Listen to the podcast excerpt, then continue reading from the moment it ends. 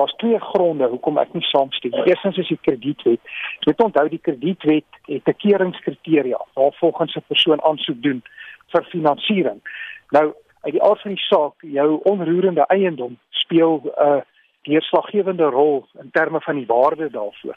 So indien die eiendom wegval en jy val agter jy raak agterstallig met jou verpligtinge, dan gaan jy in elk geval nie meer dan gaan die die die die verbandhouer die leningsrekening moet oproep, maar hy gaan heel eerste die sekuriteit moet uitwin. So in terme daarvan stem ek nie saam met bestuurshoof van Netbank waarby hy sê dat jy nog steeds verantwoordelik gaan wees vir die terugbetaling van jou persoonlike lening nie. Die kredietwet bepaal verder as ook die gemeene reg dat jou persoonlike lening as ook jou verbandsooreenkoms is in mekaar ingeweef. So die een is afhanklik van die ander een en, en dit kan nie bestaan onafhanklik van mekaar nie. Maar nou die gemeene reg en gerapporteerde gesag bepaal ook dat 'n diene eiendom oorgedra word sonder die kansellasie van die bestaande verband, selfs soos by onteiening.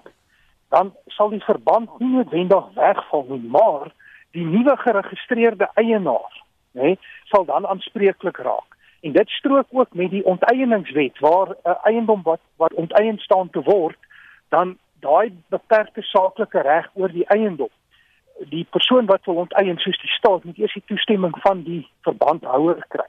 En dan sal die staat verantwoordelik raak. So veronderstel nou jou eiendom word onteien. Jy as 'n huiseienaar, jy kan nie meer jou jy hou op om jou verpligtinge teenoor die bank te betaal. Nou behoort hierdie eiendom ons aan die staat. So dan gaan die bank die eksekusiestappe teenoor die staat moet uitoefen. En dan gaan die bank die eiendom vanaf die staat moet uitwin in 'n eksekusieproses. So dit is die dilemma waarmee mense op die oomblik sit.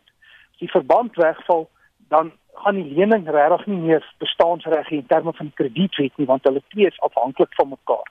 En indien mense wil argumenteer dat, die lening nog steeds um, van toepassing gaan wees, dan gaan die bank die staat moet eksekusiestappe teen die staat moet neem omdat die eiendom nou die eiendomsreg in die staat vestig.